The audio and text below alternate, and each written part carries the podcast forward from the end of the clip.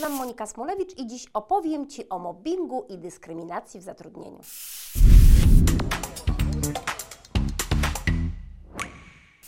Mobbing w znaczeniu potocznym dość mocno odbiega od tego uregulowanego przepisami prawa.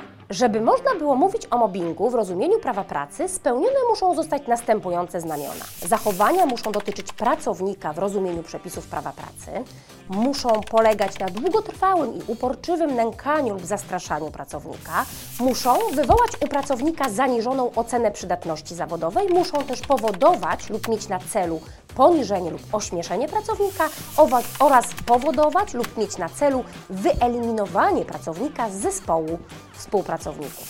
I musi te pięć znamion wystąpić łącznie. Czy jeśli ktoś czuje się mobbowany, to czy jest już to mobbing?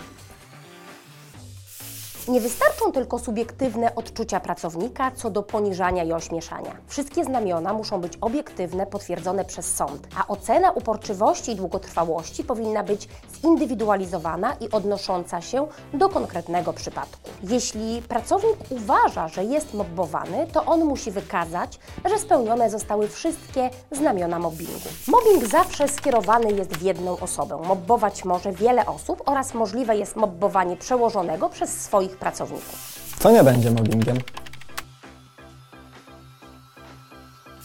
Mobbingiem nie będzie jednorazowe zachowanie pracodawcy. Mobbing zawsze jest procesem. Nie będzie mobbingiem zachowanie, które według szczególnie wrażliwego pracownika jest nękaniem, a obiektywnie nim nie jest. Pamiętać należy, że oceny, czy doszło do mobbingu, czy nie, zawsze dokonuje sąd.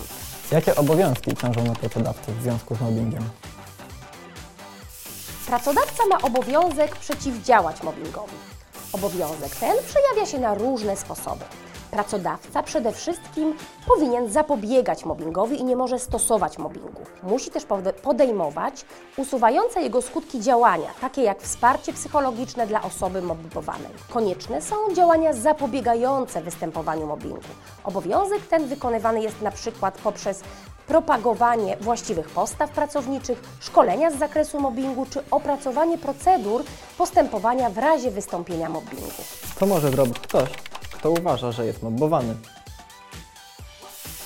Wszystkim skorzystać z procedur postępowania w razie wystąpienia mobbingu. Jeśli ich nie ma, skonsultować się z przełożonym. Jeśli nie przynosi to skutku, pozostaje pozwać pracodawcę niezależnie od tego, czy to on mobbuje, ponieważ na nim ciąży obowiązek przeciwdziałania mobbingowi w zakładzie pracy. W razie wystąpienia mobbingu pracownikowi przysługuje zadośćuczynienie oraz odszkodowanie.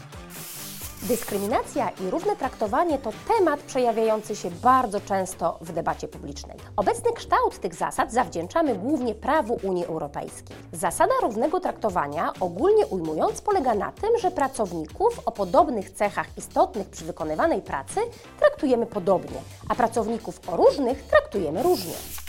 Czym jest dyskryminacja w zatrudnieniu?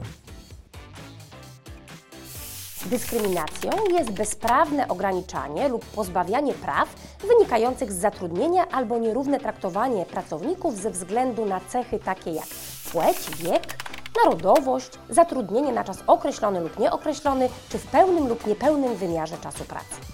Katalog kryteriów dyskryminacyjnych jest otwarty, to znaczy nie jest on ograniczony. Zasada równego traktowania obowiązuje zarówno w trakcie zatrudnienia, jak i w trakcie procesu rekrutacyjnego. Tak więc na przykład nie można nie zatrudnić kogoś ze względu na jego płeć czy wiek, chyba że jest to uzasadnione rodzajem pracy, jaka ma być wykonywana. Jakie są rodzaje dyskryminacji?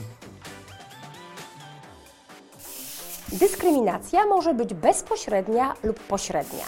O pośredniej możemy mówić, gdy na skutek pozornie neutralnego kryterium lub działania dochodzi do dyskryminowania. Na przykład w przypadku zatrudnienia wyłącznie pracowników, którzy odbyli zasadniczą służbę wojskową, gdy nie jest to kryterium istotne dla rodzaju wykonywanej pracy. Dyskryminowane są kobiety, ponieważ zdecydowanie rzadziej odbywają one służbę wojskową. Dyskryminacją jest też molestowanie. Molestowaniem jest zachowanie, którego celem lub skutkiem jest naruszenie godności człowieka, upokorzenie czy poniżenie go. Szczególnym rodzajem jest molestowanie seksualne. Jest to zachowanie o charakterze seksualnym lub odnoszące się do płci pracownika. Jego celem lub skutkiem jest naruszenie godności człowieka. Co może zrobić ktoś, kto uważa, że jest dyskryminowany? Takiej sytuacji należy udać się do sądu pracy oraz przedstawić fakty wskazujące na przyczynę dyskryminacji. To na pracodawcy ciąży obowiązek udowodnienia, że stosował on obiektywne kryteria i nie dyskryminował. Jest to tak zwany odwrócony ciężar dowodu.